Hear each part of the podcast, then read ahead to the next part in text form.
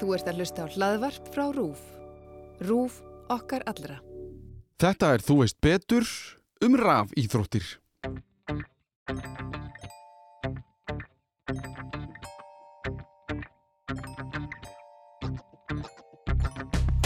rafíþróttaspilar er kannski með sko 160 til 180 actions per minute þannig að þeir eru að gera eitthvað á liklaborunum músinu þrýsvarsunum á sekundu í gegnum 45 minúna leik við erum ennþá að skrifa bókina um hvernig það á að gera þetta að því að það hefur enginn gert þetta á þennan hátt áður í heiminum Við virðumst vera frekar íþróttalega sinnuð þessa dagana þar sem við förum frá íþróttasálfræðinni í síðasta þætti yfir í raf íþróttir Sjálfur hef ég spilað og haft gaman af törfuleikjum síðan ég var krakki og verandi fættur árið 1986 þá hef ég haft tækifæri til að fylgjast með þróun leikja og internetsins frá fyrstu hendi.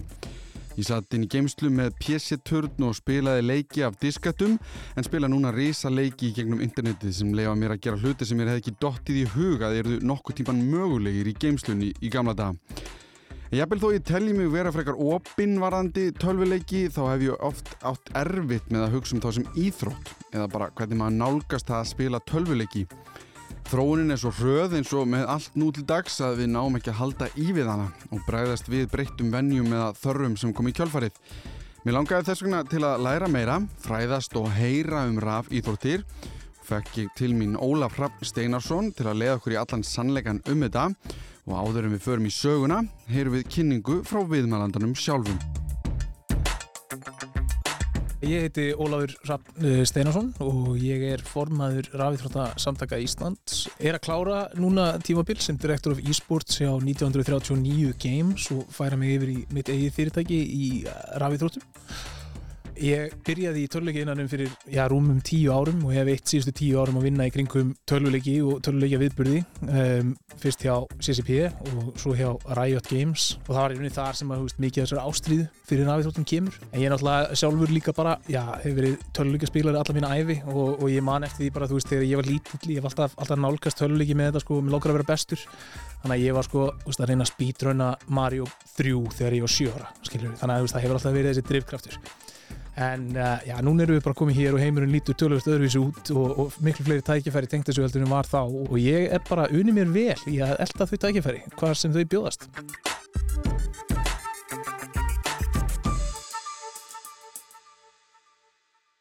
Fyrsta skrásetta rafíþróttamótið eða e-sportsmótið eða töluleika keppin eða hvað sem við vilt kalla þetta var árið 1978 í Stanford háskóla. Þar voru sérstaklega átta uh, nefnendur sem tóku sér saman og keftu í leiknum Space War og Sigurvegarinn í því móti fekk áskrift að Rolling Stone tímabilinu, eh, tíma, tímabilinu, tímaritinu mm. og hérna svo tveim árum setna þá heldu Atari Space Invaders heimsmyndaramótið og það er svona svolítið þar sem að þetta byrjar að fá, hvað getur við sagt, svona mainstream uh, aðtegli. Það tóku tíu, yfir 10.000 manns þátt á þeim tíma, sko, 1980 mm -hmm. í keppni fyrir Space Invaders. Þannig að eh, ef við getum hugsað okkur hversu lítil útbreyðsla var í raun og tölvuleikjum sko árið 1980 meðan við í dag, að þá þarf þetta ekki að koma okkur á óvart hvað þetta er orðið stort og hvað þetta er haldist í hendur við sko uppgang tölvuleikja yfir síðustu 10-20 ár. En sko, ok, þetta er mun fyrr en ég held og bjóst við. Og ég segja þér annað. Já.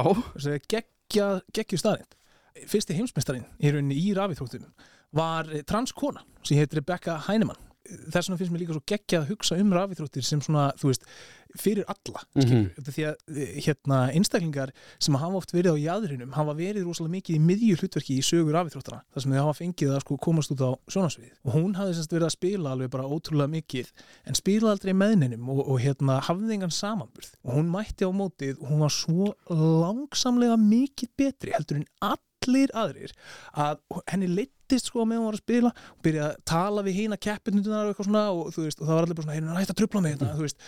Og, og svo þegar hún var búinn með, með rönni sitt á komun eitthvað herri hérna ég fekk hérna hvað hva, svona mikið að stígu mér þetta eitthvað gott? Og það var allir bara þú ert heimsmyndstari skilur hún fattaði ekki eins og hún var að standa sig vel sko. Og er þetta þetta Atari móti eitthvað? Þetta er einmitt 1980 Já, fyrsti heimsmyndstari Þannig að þetta helst, ok, Atari er hann á þessu tímanbili hvernig er síðan þróunin sko að ég man ekki alveg til dæmis, ég man ekki hvernar Playstation kemur eða einhverja tölur sem komið þannig, Super Nintendo náttúrulega og það veitu við hvernig það er allt saman? Sko mikið af þróuninni sem sagt, Suðu Kórea liti svolítið mikið mm Mhm. þróun þeir fjárfestu í sko háhraða internet innviðum í rauninni tölvert á undan öllum öðrum þjóðum Mhm. Og núna, já, hef ég smá ágjör að ég að tala af mér, ég man ekki alveg orðalið ég minnir að hafa verið sko, þú veist, bara eitthvað 1987 sem að Mm. þeir byrjuði að leggja og fjárfesta í sko hágæða innviða, eh, innviðum fyrir internetið og það var til þess að þegar að sko uppgangur leiki á internetinu, þú veist, jú, jú, það var búið að að keppi í svona leikja tölvum, Atari og ég meina Nintendo heldu heimsmeistaramót fyrir Super Nintendo tölvuna og, Mhm. og annað en svo kemur þetta í rauninni og springur svolítið með internetinu og af því að interneti var í bóði almennlegt internet í kóru fyrst að þá leiða þeir svolítið Mhm. og það er þegar þú byrjar að sjá þessa, veist, þessa leiki koma út hérna, veist, bara, bara Quake og Starcraft og, og allir þessi leiki sko, sem koma alveg bara way back then þeir ná svona fótfestu sem keppnis íþrótt Mhm. í, í hérna Suðu Kóru þú veist, það var í rauninni þannig á tímabilið að bara Starcraft atvinnumenn í Kóru sko, voru bara stórstjórnir sko. Veist, það voru þeir sem voru kerandum á Ferrari og, og, og læti sko. Og sko að þú nefndi Quake sem er hérna fyrstu personu skotleikur mm -hmm.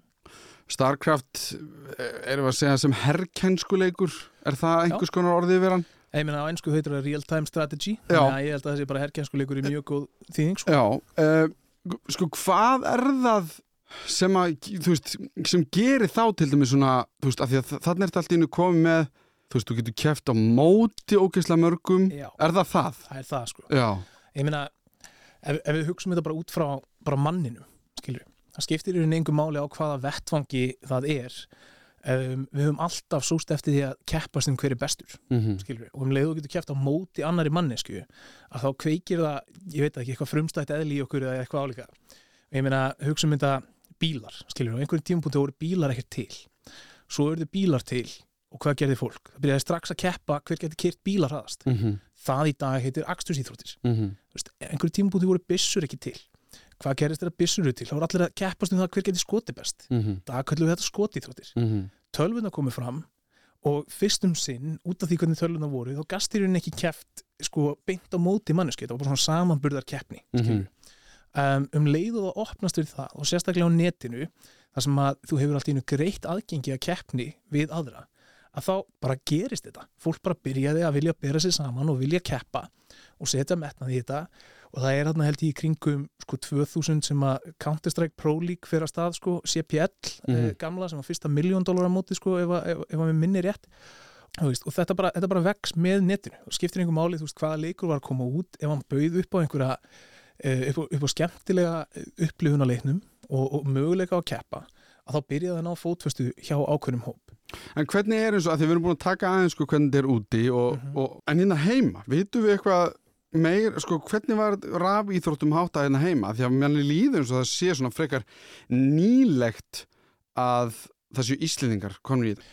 Sko, ég meina, Ísland hefur alltaf, eh, Íslendingar vilja það sanna sig, myndi ég segja. Þannig að Íslendingar hafa alltaf sko, verið mjög proaktífur og, og tekið þátt í þessu.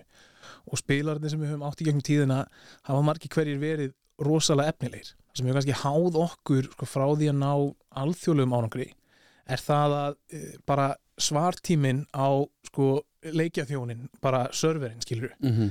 það er bara tekur lengri tíma að senda merki í gegnum internetið frá Íslandi til Svíþjóðar heldur en frá skiluru Stokkólmi til Svíþjóðar Mhm. eða veist, einna til Sörfisins sem er í Svíþjóð Já, þannig að eh, þú ert í rauninni með kannski aðeins Ísland var að leika með ákveðið eh, aðra hendur að bundna fyrir aftan bak Mhm. í, í mikið af þessum mótum. Mm og, og þegar þú ert komin á einhvern keppnisleikvang það sem að sigurinn ræðist á millisekundum að þá gengur ekkert að þú sért með 40 millisekundar svartíma meira heldur Mhm. en, heldur en anstæðingurinn og það var svolítið sko lenskan þegar að þetta var alltaf að byrja. Við náðum aldrei einhvern veginn að koma upp almennilega stöðugu keppnisumhverfi á Íslandi en það var þessi ríka lanmenning. Þú veist, þú varst með smellin, þú varst með skjálta um, setna meir kominn háeringurinn, uh, tuttin var með alls konar lögn í digranesi -hmm. og það var það svolítið sem hjælt upp, upp í þessari keppnisinu eh, til hlýðar við þá bara einstaklingar sem höfðu virkilega ástríðu um að reyna að meika það í þessum heimi og sanna sig í þessum heimi sem að, sem að leittu svolítið sko senuna framaf og að lana bara svo að fólk líka svo að því, Já. já. að, svo við verðum að kannski aðeins að staldra við líka þá að lana þá er munurinn á því er þá kannski að þá hittist fólk bókstaflega fólk var að taka Já. turnana sína Já.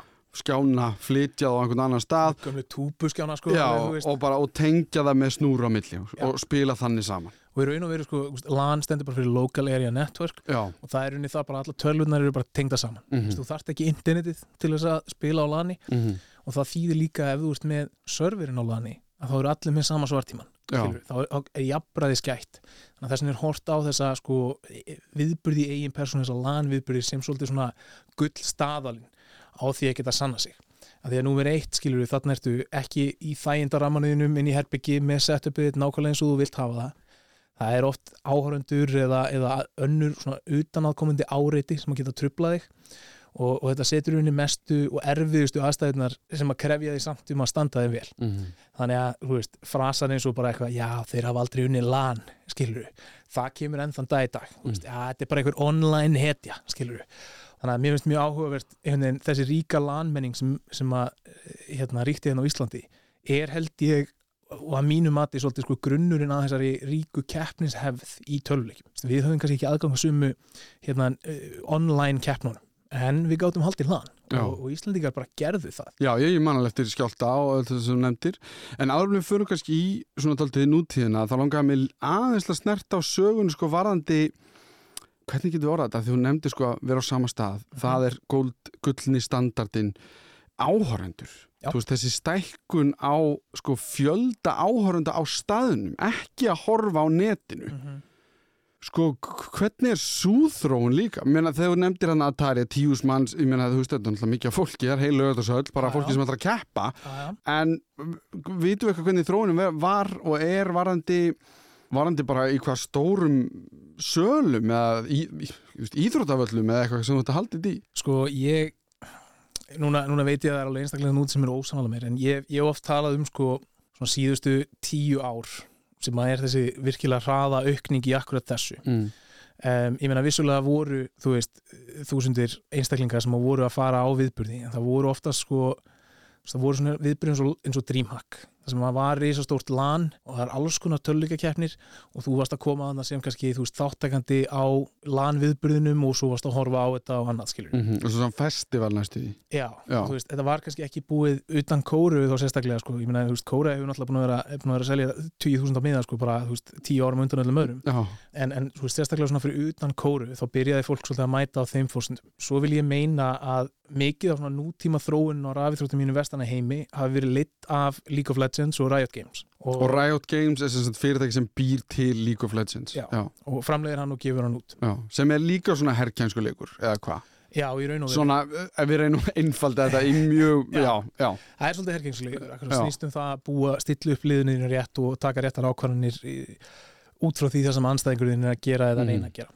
Og, hérna, og þeir byrja til dæmis sko 2008, mm. minni mig, um, þá eru þeir á World Cyber Games sem er akkurat haldið í Suðu Kóri og þar er fyrsta svona formlega League of Legends svona heimsmeistaramótið og í úslitunum mættust sko bandaríkin á móti Evrópu, sko Evróslið og bandaríslið og ég manni ég horfði á þetta á sínum tíma og, og þá fengur svolítið svona stjórnendinir og þeir hjá ræðat bara svona, já, það er eitthvað hérna, skilur Já, þetta- getur gengið. já. já. og þetta var eins og ég segi, haldið í kóru fyrir framann þúsindi manna þá ákveðir svona að fara að reyna að leika það eftir á eh, vestur, Vesturlöndunum og byrja að byggja upp sína eigin keppni. Og fyrsta heimsmeistaramóti sem þeir halda er með 100.000 dólara verðlunafið og var haldið á Dreamhack í Svíþjóð og það voru 100 mann sem voru að horfa og það sátt allir á gólfinu sko. næsta ár þá seldu þeir 12.000 miða í eh, Convention Center í LA og það seldist upp á 10 myndum. Mm og þá voru þeir í rauninni bara yfir þetta ár búinir að virkilega ná að byggja upp þennan leik sem áhorfs uh, efni Mhm. skilur, þú veist. Og þeir settur rosalega mikið púður í því bara hvernig römmu við inn útsendingar? Hvernig eiga lýsa, lýsendurnir að tala? -hmm. hvað er áhugavert fyrir uh, hérna áhörundan og fóru í rosalega mikla vinnu í að þróa þessa hluti. Og restina innuðanum voru mjög fljóta svara. Þannig að við sáum framleiðslu gildi og, og hérna gæði lýsenda og gæði útsendinga springa rosalega fljótt. Það bjóð til eftirspurn til þess að mæta og horfa á þetta í einn personu af því að, þú veist, um leiður komum við miljón manns sem að horfa á einhvern og, og hérna eru aðdáðundur hans að þá eru hundra manns tilbúin að fara að hitta hann, skilur við, eða sjá hann með byrjum. Mm og það er bara konceptið það keiriðist í gegnum þetta áhorf og þessa dreifing á netinu og svo bara jógst jamt og þétt áhugin að mæta og svo ertu komin í skilur 2014 og þá var ég að hérna, byrja að vinna hjá Riot Games. Og þá fekk ég að fara á heimsmeistramótið okkar í Seúl í Suðukóru og það var haldið í olimpíuleikonginum í Seúl 40.000 manns ástæðanum seldist upp á hálftíma. Svo hafa þeir haldið það síðan þá í Birds Nest Stadium í, í Beijing sko og í lögatarsöll hérna sem er geggjað sko en, en hérna en, en það er sko þetta er það sem ég myndi segja að sem sagt sprengingin á þessum streymisveitum, aðgengi efnin á netinu, það bjóð til áhugan og töluleikja fyrirtækin og viðbyrða fyrirtækin sem voru að halda utanum þessa viðbyrði svörðu þeirri þróun með að bjóða fleiri og fleiri fólki tækifæri til þess að koma og taka þátt. Eftir því sem það stækkaði þá var allt í nætt að fara að fjárfesta meira í sjóinu og gera meira úr því. Sem ég segja þarna 2014 voru Magic Dragons skilur við að þú veist opna sjóið og, og, og loka því og þvílikar hérna, og allt í einu var þetta bara svona þú veist, meira hva, mainstream, meira móðins að, að fara að mæta á þessar viðbúri mm. og í dag, ég meina bara innan, innan vinahópsins míns að þá er alltaf, skilur við bara, heyri, já, já, strákar, hvernig ætlum við að fara út og, og fara saman á, á viðbúri, skilur við og það er bara að byrja að tala um þetta eins og að fara út á leiki í enska. Og, og það er bara mjög jákvæð þróun fyrir, fyrir rafithróttir því að ég meina þetta er náttúrulega líka tekjulinn sem hjálpar það, hjálpar það að þróa áfram sinun Nú höfum við farið yfir söguna og það hefur hugsanlega komið ykkur jafn mikið og óvart eins og mér hversu snemma við fórum að keppi í töluleikjum.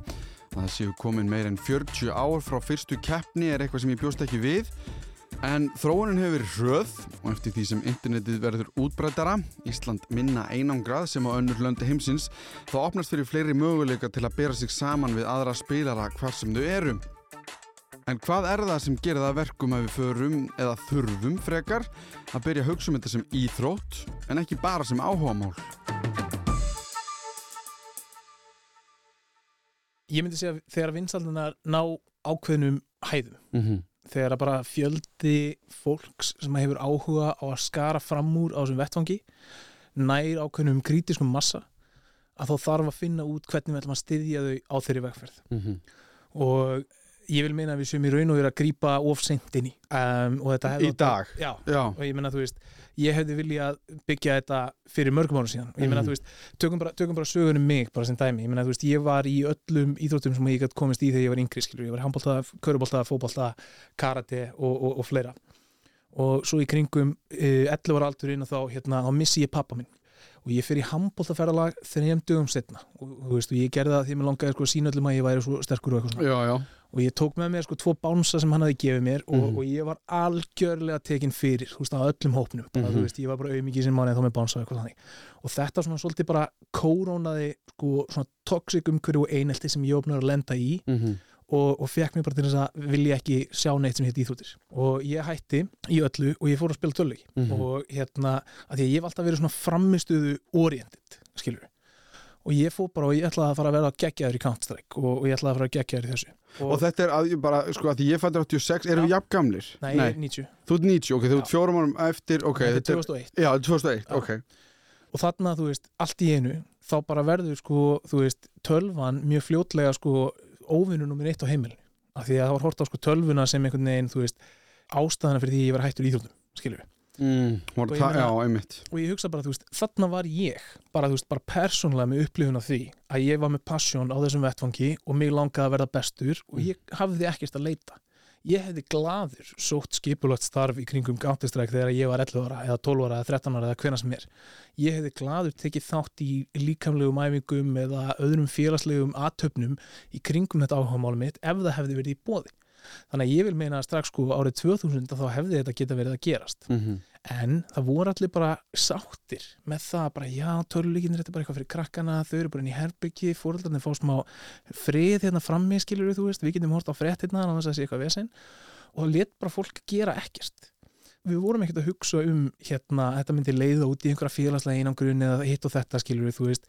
Af því að þetta var ekki eins útbreytt og þetta er í dag mm -hmm. en svo sjáum við allt í einu þegar fleiri krakkar og hæra hlutfalla krökkum byrjar að hafa áhuga á þessu að þá sjáum við marga krakkar lenda á sama farfi og ég þar sem að ég var allt í einu komin í það að vera ekki lengur að hefa þrjári íþróttir og ég eitt í mörgum tímum á dag ég spila töluleiki og fór alltaf mínu höfðu miklar áhugjur að því ég vil meina að þetta sé bara svar við, við aftur mjög, mjög rökrettri einhvern veginn þróun eftir því sem áhugin engst mm -hmm. og við stjórnum ekki hvar áhugin er.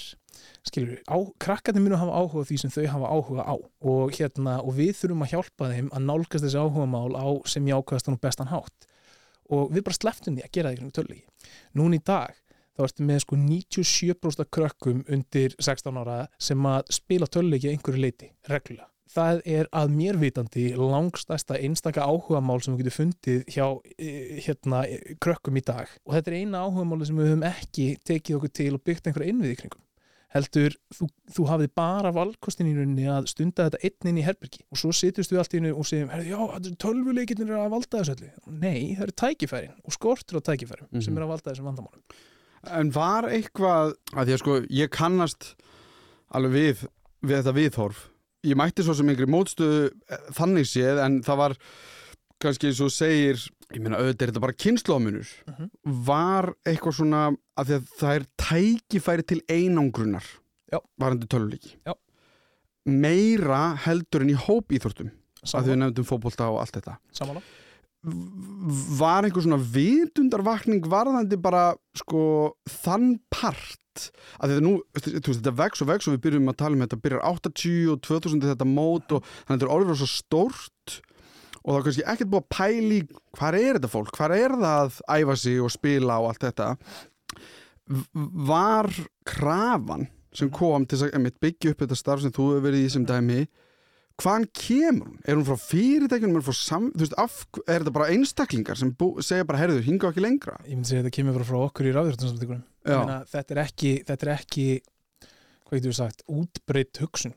Ég myndi segja þessi vitundavakning sem, að, sem þú ert að vísa í eigi ennþá eftir að eiga sér stað. Mm og ég meina, eh, við þurfum ekki að horfa sko, þú veist, lengra en bara á flest Norðurlöndin, ég meina, jú, þú getur þú getur æft eh, á, á góðan hátt rafíþróttir í Danmörku en þær voru aðalega byggðar í kringum Counter-Strike og svo þegar Fortnite kemur og tekur áhuga unga fólksins í þá átt að þá stendur mikið af umkörunu eftir svolítið óvöktuð og, ómannað og hérna og þeir fjárfestu aldrei almennilega í sko mentun og þjálfurum og, almennilegri, aðferðafræðum hvernig er að það nálgast þetta um, en, en til dæmis það er lítið í bóðið að þú ert í Svíþjóð nema þú sést bara heppin að vera í skóla sem að býður upp á e-sports og þá hvað það e-sports þýðir getur verið allt frá því að þú sitir og hlustir á einhverja fyrirlestra frá einhverjum kennar að tala um töluleiki yfir í að þú færð í raun og veru að spila sko.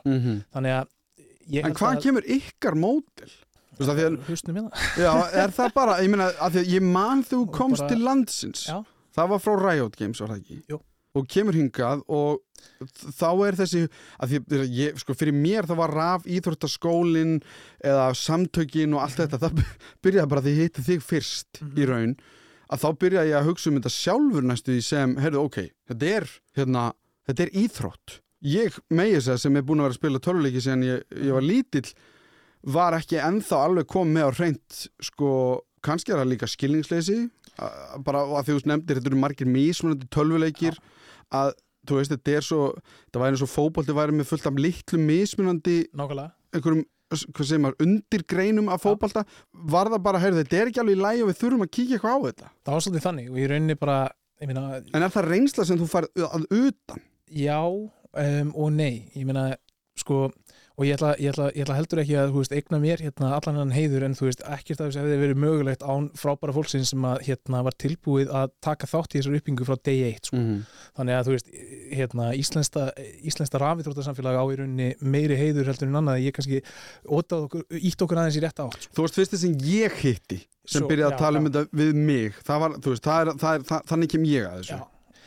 Ég hugsaði þegar ég var búin að vera hjá Riot og ég var búin að fá að ferðast um allan heiminn og fara á allar þessa viðbyrðu og ég var búin að sjá allt þetta fólk og ég, þú veist, og ég var bara vákvæði mikið af fólki eins og ég í heiminum sem elskar töluleiki, elskar rafitróttir og er tilbúið að gera alls konar hluti annað heldur en að spila bara leikinn í kringum þetta áhugamál. Ferðast, halva leiðin ef nöttin skilur, mm -hmm. þú veist, býða í löngum byðröðum og, og leggja alls konar á sig skilur og, og þú, þú gerir það ekki nema að sé einhver sko innri kvati og einhver ástríða sem að keri það áfram og, og ég hugsaði rauninni, þú veist, ef að þessi ástríða getur kert fram þessa hegðun af hverju ekki, þú veist aðra hegðun og ég fekk líka kynnast hjá Riot að það, þú veist, það voru vandamál með atvinnumennina sem voru að komast inn í atvinnusenuna stundum að þeir voru rosalega góðir töluleikaspilarar en rosalega lélegir íþróttamenn skilur. Og, hvern, Og- hvernig skilgrunir það? Bara, eh, þú veist, kunni ekki að taka þátt í liði, kunni ekki að taka þjálfun með reysastórt ego um, hérna, lifa óhöllu lífið mæta ósopnir í leiki, skilur og þetta var bara ekki, ekki að virka ekki lengur. Mm -hmm. kröfunar voru orðan svo háar á topplevelinu um, og, og við vorum að sjá allt og mikið af einstaklingum lenda í því að, að brenna út sko áður þeir komið okkar út af þessum slæmu vönum og ég hugsaði ok, bara ef að rafið ætla að vera eitthvað í framtíðinni líka þá verðum við líka auka hlutfall einstaklinga sem að koma þarna inn sem þrótt að menn og þá kom inn í hausin sko, ok, hvað er rafið þrótt að maður og, og ég fór að hugsa, ok, þú veist það, það er svona og það er svona það er einhver sem leggur sér fram hérna og það er einhver sem kann að vera partur að liði og taka þjálfun og gefa viðtöl og, og getur verið vermaður inn í rafíþróttafélag sem er að keppa á alþjóða vettvangi og svo hugsa, ok, hvernig búum við til þessa rafíþróttamenn, hvernig búum við til einn fullkomna uh, eh, rafíþróttamann eða, eða rafíþróttakonu? Og þá kemur kannski, þú veist, upplifunum mín frá Íslandi inn sem að er trúin á græsótastarfið okkar í íþróttum. Og þó ég hef ekki fengið kannski bestur einsluna af því starfi að þá, þá er það mjög gott starf og það byggir á mjög góðum gildum.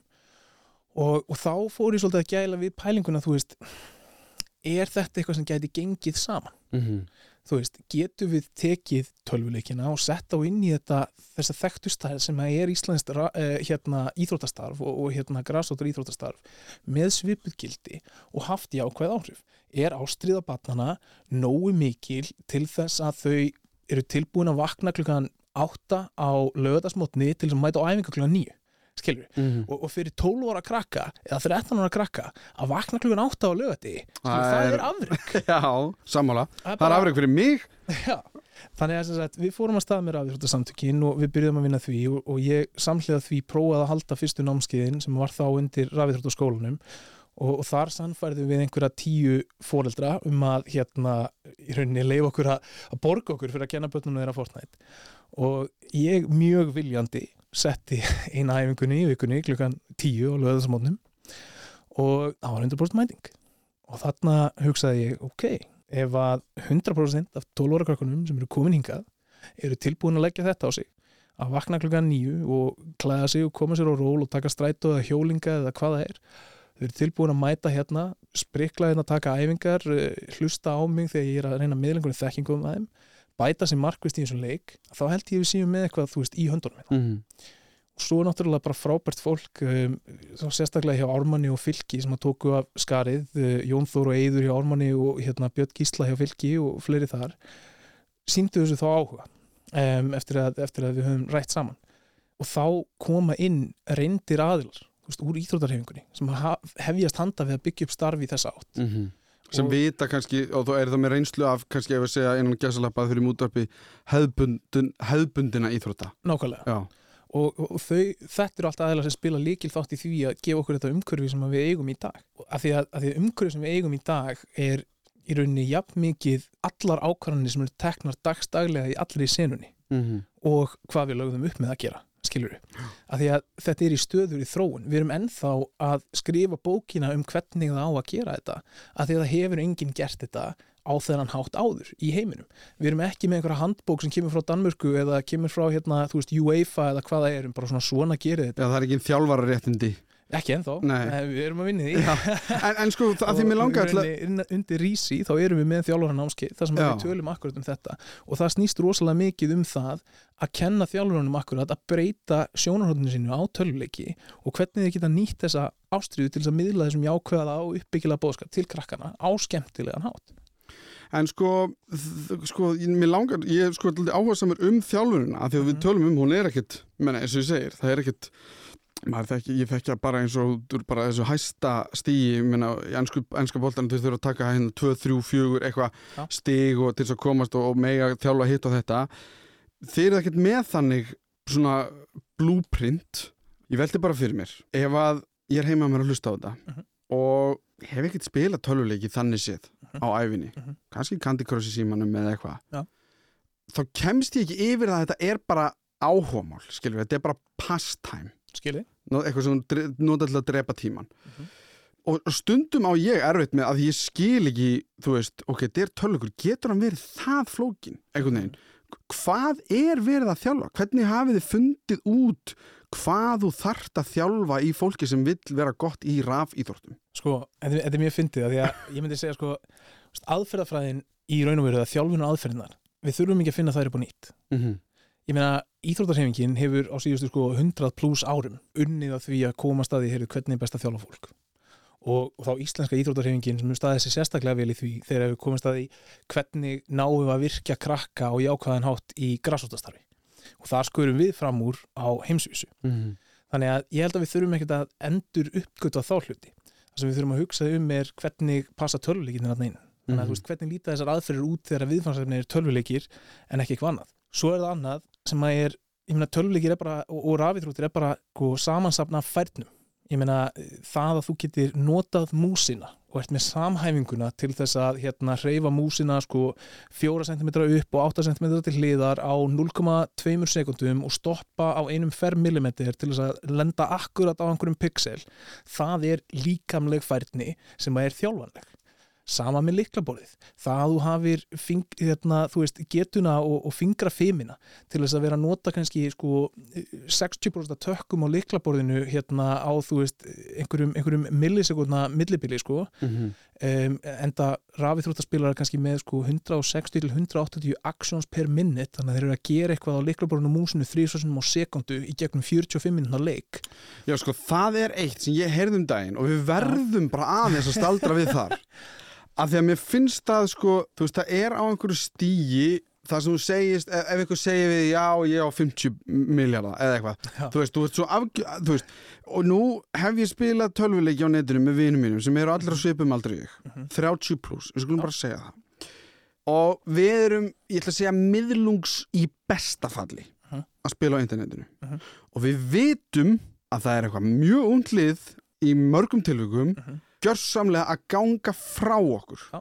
þannig að í okkar huga er þetta daldið svona ungs fólks íþórtir af því að viðbröðin Mhm. eru svo fáránlega hröð Já. að bara við erum of veðraðir bara, bara okkar tögakerfi er bara orðið of hægt bara allan daginn sko þetta veist, hvernig þjálfaru þ- er, er einhver gluggi til mig sem við tökum bara það, þetta aldurinn þú veist, er, að því við tölum oft ef, ef, við, ef fólk kannast í fótbolta þá er oft talað um ok, eftir þrei eftir þrítut, ok, kannski aðeins lengra í dag þegar þeir fara svo vel með sig og að þau fara svo vel með sig en ok, sem 35 Mhm. þá ertu orðin tilturlega svona gamall í fótbolta árum Mhm. Hvað, hvernig er það til dæmis í rafhýþjórtum? Auðvitað ert aldrei, þú veist, það er af því að líkamlega getan getur að, þú veist Þú ert bara washed up þegar þú ert 26 sko Já, Nei, er, nei, er, nei. er það þannig? uh, Sko, ég myndi segja að það sem að, það sem að dýnamíkin sem við erum að sjá núna er það, þú veist, vissulega hefur hafa yngri keppninir kannski fórskot þegar kemur á viðbrástímanum, Mm -hmm. en eldri keppninir hafa reynsluna.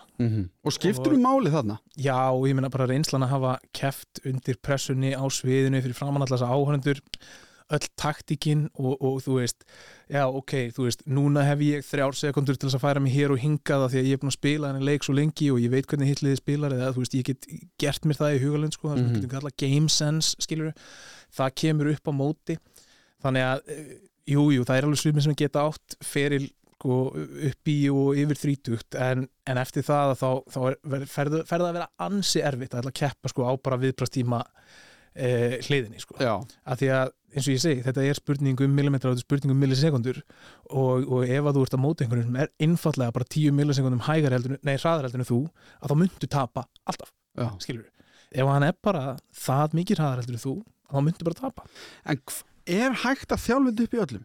sko, ég held að, ég held að þessi nok nokkri þættir þarna, eins og með nummer eitt sko, ég held að vissulega um, þó að fræðin séu kannski ekki komið þangað Mhm. þá munum við komast að því í framtíðinni að já, það eru einhverjir genatískir hérna, eiginleikar sem að gefa fólki fórskot á þessum vettfangi rétt eins og við sjáum á öllum öðrum vettvangum. Mm -hmm. en þeir eru ekki alveg þekktir í dag.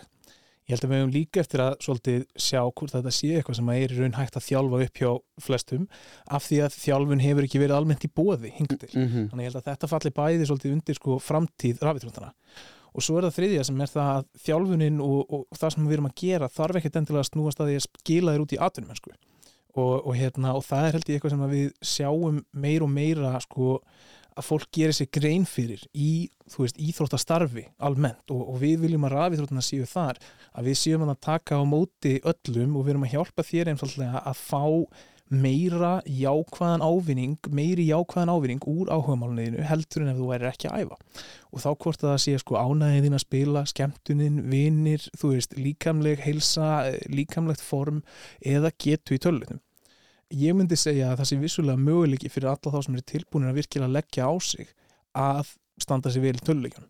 En ég held að það sé bara rosalega erfitt fyrir marga að komast andlega á þann stað að reyna eins mikið þeir geta á sig í töluleikjum og reyna virkilega að bæta sig út af því að þetta er umhverfi sem er svo auðvelt einhvern veginn að, þú veist, að já, ég var ekki að reyna. Að mm -hmm. þú ert svo mikil tryhard, skilur við, þú veist.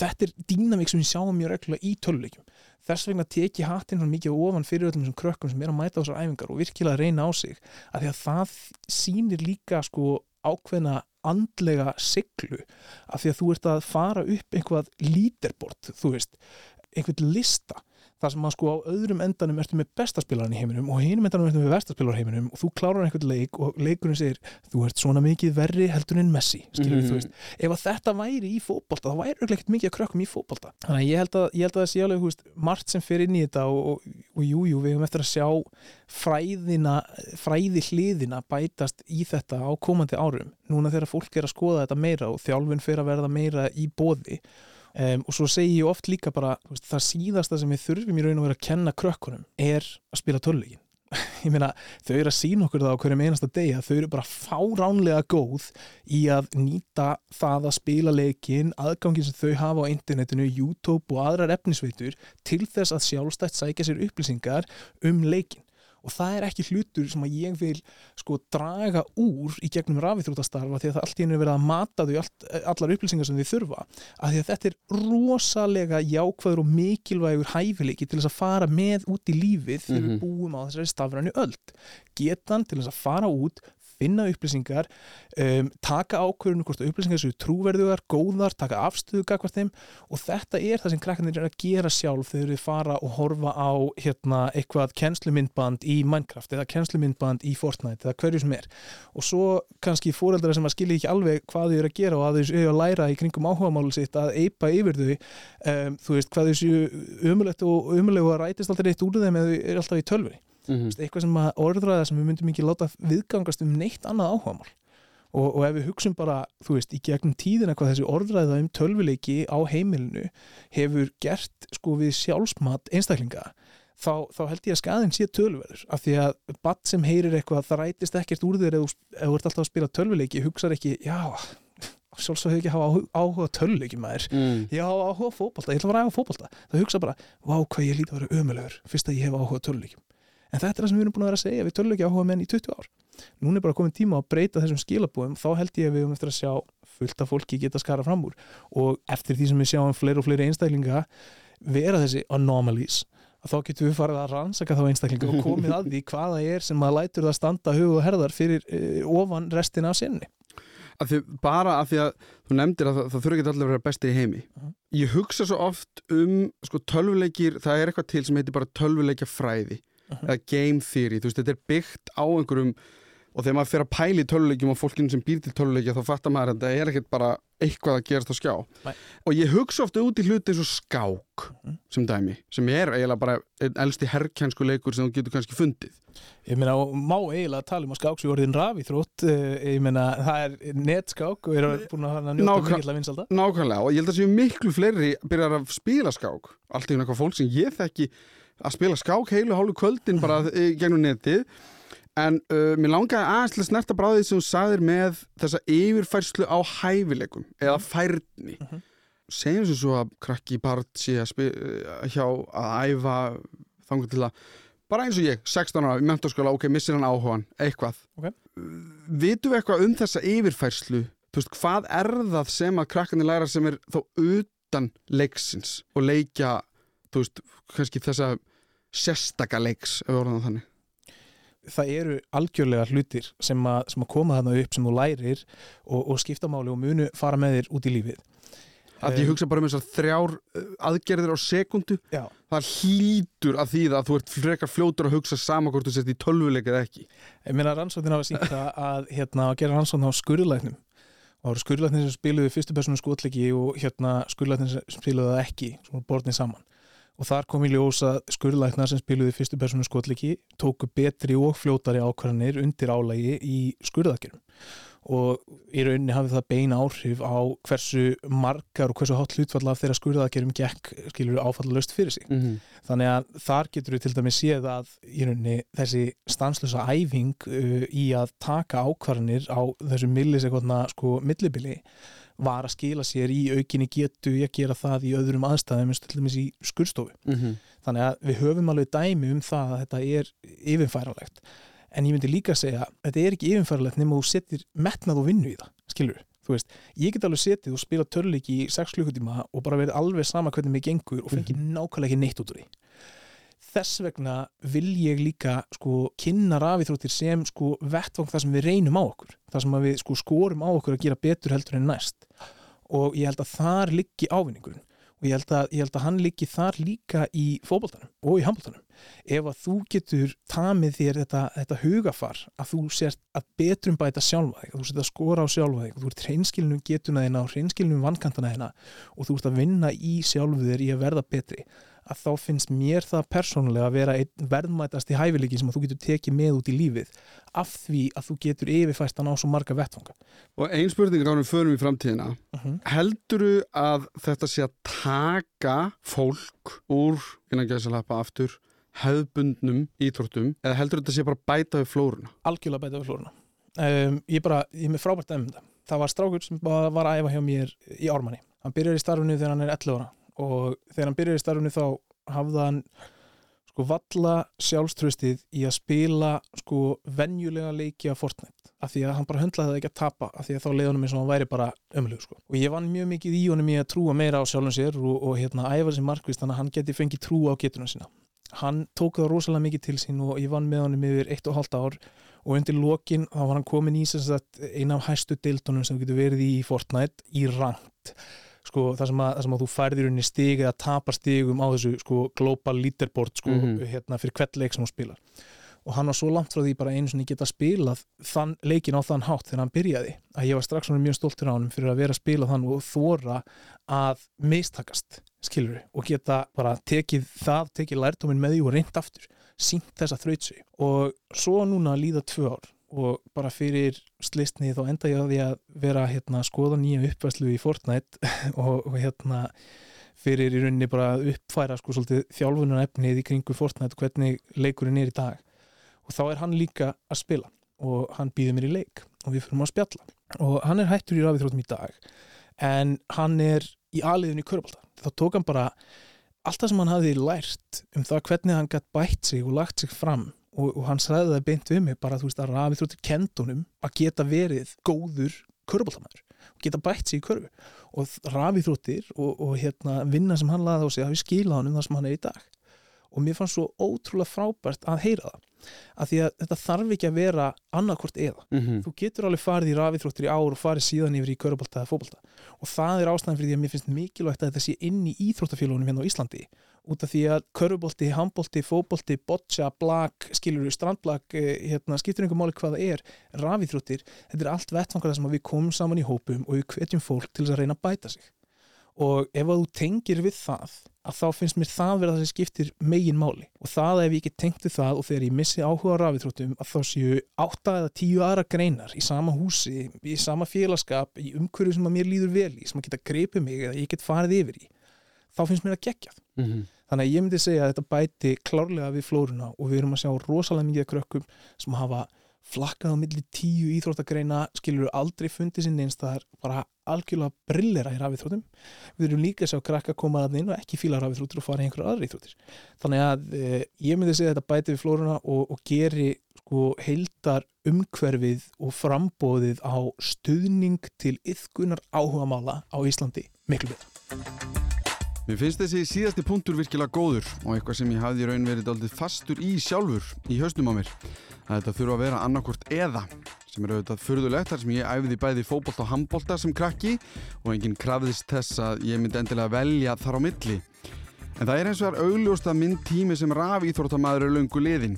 Hugakerfi mitt er orðið ofþreytt og álæðið í gegnum tíðana hefur gert að verkum að alla þessar aðgerðir á mínútu eru of mikið fyrir 35 ára gamlan allam á. En allt í góðu, maður getur ekki alltaf verið bestur í heimi, ég get farið í bumbubolta í fóbolta og ég get spilað nokkra leiki við vini mína í tölvunni um kvöld. Ég vil samt aftur leggja áherslu á það sem Ólafur sagði um keppendur í Starcraft sem er að taka um það byrj þrjár ákvarðanir eða aðgerðir á sekundu. Það er alveg galið að hugsa til þess. En festumst ekki þar og hugsun frekar til framtíðar. Hvernig lítur hún út fyrir rafíþróttir?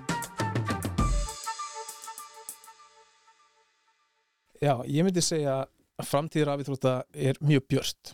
Ég held að rafíþróttir er bara fyrir að halda eftir áfram að vaksa. Ég held að það sé ekkert sem að þannig síðan getur komið í veg fyrir það. Eh, Við hefum eftir að sjá hvernig nýjar leiðir til þess að eiga samskipti við tækni hafa áhrif á rafíþróttir og breyta ásýn þeirra á komandi árum eins og bara farsímaleikir, er orðnir rosalega vinsalir Mm.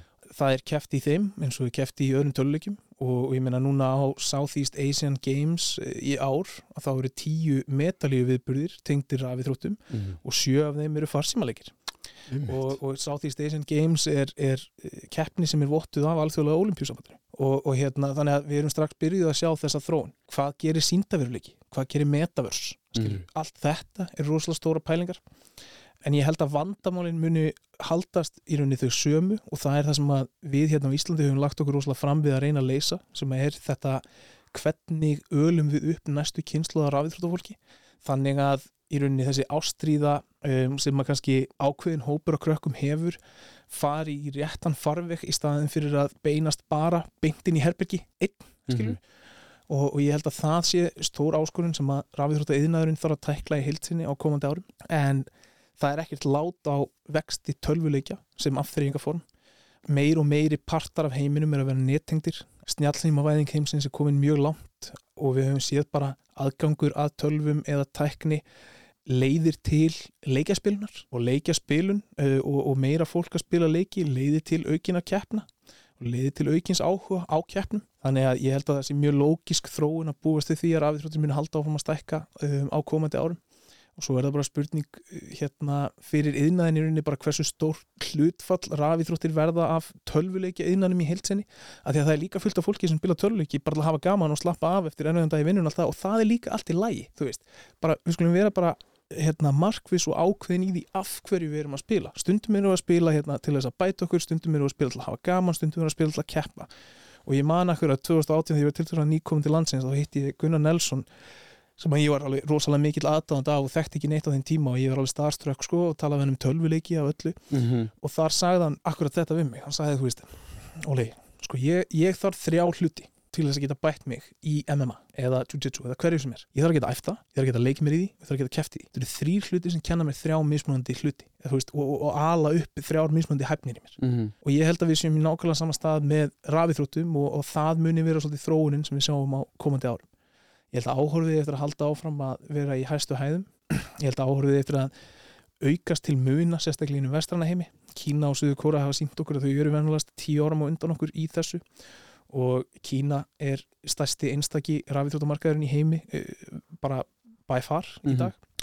Bara svona til að gefa sko, dæmi um umfangið af þessu áhorfi. Þá var heimsmeistaramótið hérna í League of Legends sem var haldið í lögatarsöllinni Bara núna bara núna 2021 Já. að þá var hérna, eru ræðið búin að gefa út áherstur og fyrir úrslita leikin bara úrslita útsendinguna þetta voru sko 20 útsendingadagar þú getur bara, þú veist, plúsað saman Mm. mikið og vilt, en bara úrslita leikurinn náði til 200 miljón manns og var með sko average minute audience sem sagt fjöldi einstaklega sem horfið á hverja mínútu að meðaltali 30 miljón manns og þeir hæsta, hæsti punkturinn var 73 miljón manns sem voru að horfa á útsendingun á sama tíma. Það er 200 sinnum heildar íbúafjöldi Íslands mm -hmm. sem voru að horfa á eitthvað keppni sem var í lögadalum sko, á sama tíma. Og, og þetta er, eru hlutir tölur sem við erum bara að sjá fara stækandi af því að áhugin eikst 99% af þessu var í Kína en við getum alveg búist til því að næsti leikur sem að virkilega grípur vestræna áhörendur um, og aðdáðendur muni njóta góðs af þessu og halda áfram að vaksa mikið í ástöldum og með meira áhorfi þá koma alltaf bara meiri tekjur meiri tekjur, meira umfang e, meiri áhrif e, og meiri framþróun En erum við að fara að sjá að því ég veit alveg að það eru, við eigum Íslendinga sem eru orðin frekar framalega Mhm. ég þekki þau ekki öll Mhm. en þau eru allavega það framalega ef þau væru í aftur þessum hefðbundnu íþróttum þá myndi allir á landinu þekkja þau. Erum við að fara að sjá sko í framtíðinni svona stórstjörnu frá Íslandi sem er bara raf íþróttar stórstjörna? 100% Já. ég, eða, þú veist, ok, ég trúi því. Sem er þá, þá ég meina líka bara sem er miljónamæringur því að það eru svo mikla tekjur og... ég trúi því alveg bara statustöðut um, sko, ég vil trúa því að við erum eftir að eiga framtíðar heimsmeistra og ég menn annars væri ég heldur ekki að þessu skilur, af því að mér finnst það líka bara að vera ákveðin virðing fyrir þá sem að hafa þessa innbyggðu ástriðu til þess að elta þetta áhugamál á þessum vettfangi að þau fái almennilegan stuðning til þess að komast sem lengst. Mm -hmm. það er þannig sem við höfum skilað okkur í fremstu raðir í fótboltanum. Það er þannig sem við höfum skilað okkur í fremstu raðir í handboltanum í hópfimleikum, í mörgum öðrum greinum. Við gerðum það með að styðja fólkið sem að hafði þessa brennandi ástriðu og voru tilbúin að leggja allt líf sitt undir það að elta þennan sko sína ástriðu og framistuðu tengda síni, sinni ástriðu og, og við sem Ísland höfum alltaf fyllt okkur á bakvið þetta fólk og það er mín framtíðasín og ég held að við höfum eftir að sjá það gerast í rafithóttum líka nákvæmlega eins. Og, og ég bara hlakka til þegar það að kemur af því að ég held að það skipti alveg rosalega miklu máli og verður ákveðin svona prófsteitt fyrir okkur hérna á Íslandi að þegar það gerist þá þurfum við að taka utanum þá mannesku og fagna henni til japs við annað afreiksfólk sem við höfum átt í gegnum tíðina. Skiptir ykkur mála á hvaða vettvangi það er ef þú kemur frá okkar litla 360 manna klaka í miðju allansafinu og verður bestur eða best í heiminum í einhverju að það áttur hróskilið Nú höfum við farið yfir raf íþróttir og vonandi lært eitthvað nýtt. Það er alltaf gaman. Ég held að það sé mikilvægt að vera tilbúin til að breyta skoðunum sínum eða hugsunum, sérstaklega þar sem við breytum ekki áhuga annars fólks og vera tilbúin til að takast á við nýja veruleika. Að eitthvað sé ekki eins og það var í gær. Þú getur verið að æfa raf íþróttir og handbolta, spjótkast og Fortnite eða hvaða blanda sem það er. Aðal atriði er bara að veita stuðning og pepp, sama í hverju það er. En ég beti líka á, bara svona af því að ég veit að peningar tala, að þá voru fjárhæðirna sem eru komnar í raf íþróttir orðnar alveg svakalegar og þú getur æft tær heima hjá þér sama hvernig viðrar. Ég vildi að þetta hefði verið til þegar ég var að alast upp, ekki endilega til þess að ég hefði geta árið heimsmysteri, heldur líka til að geta verið stundum inn í geimslu, en stundum með öðrum, í hóp, með fólk sem hafði áhuga á sömu hlutum. Mér hefði allavega fundist að nett að geta æft fókbalta, handbolta og raf íþróttir. Ég vil þakka Ólafi Hrafni fyrir að koma til okkar og segja okkur frá. Ég heiti Alli Már Steinarsson og þakka fyrir mig. Ef það eru einhverja spurningar eða ábendingar er hægt að senda post á allimaratruð.is. Þetta var Þú veist betur um raf íþróttir.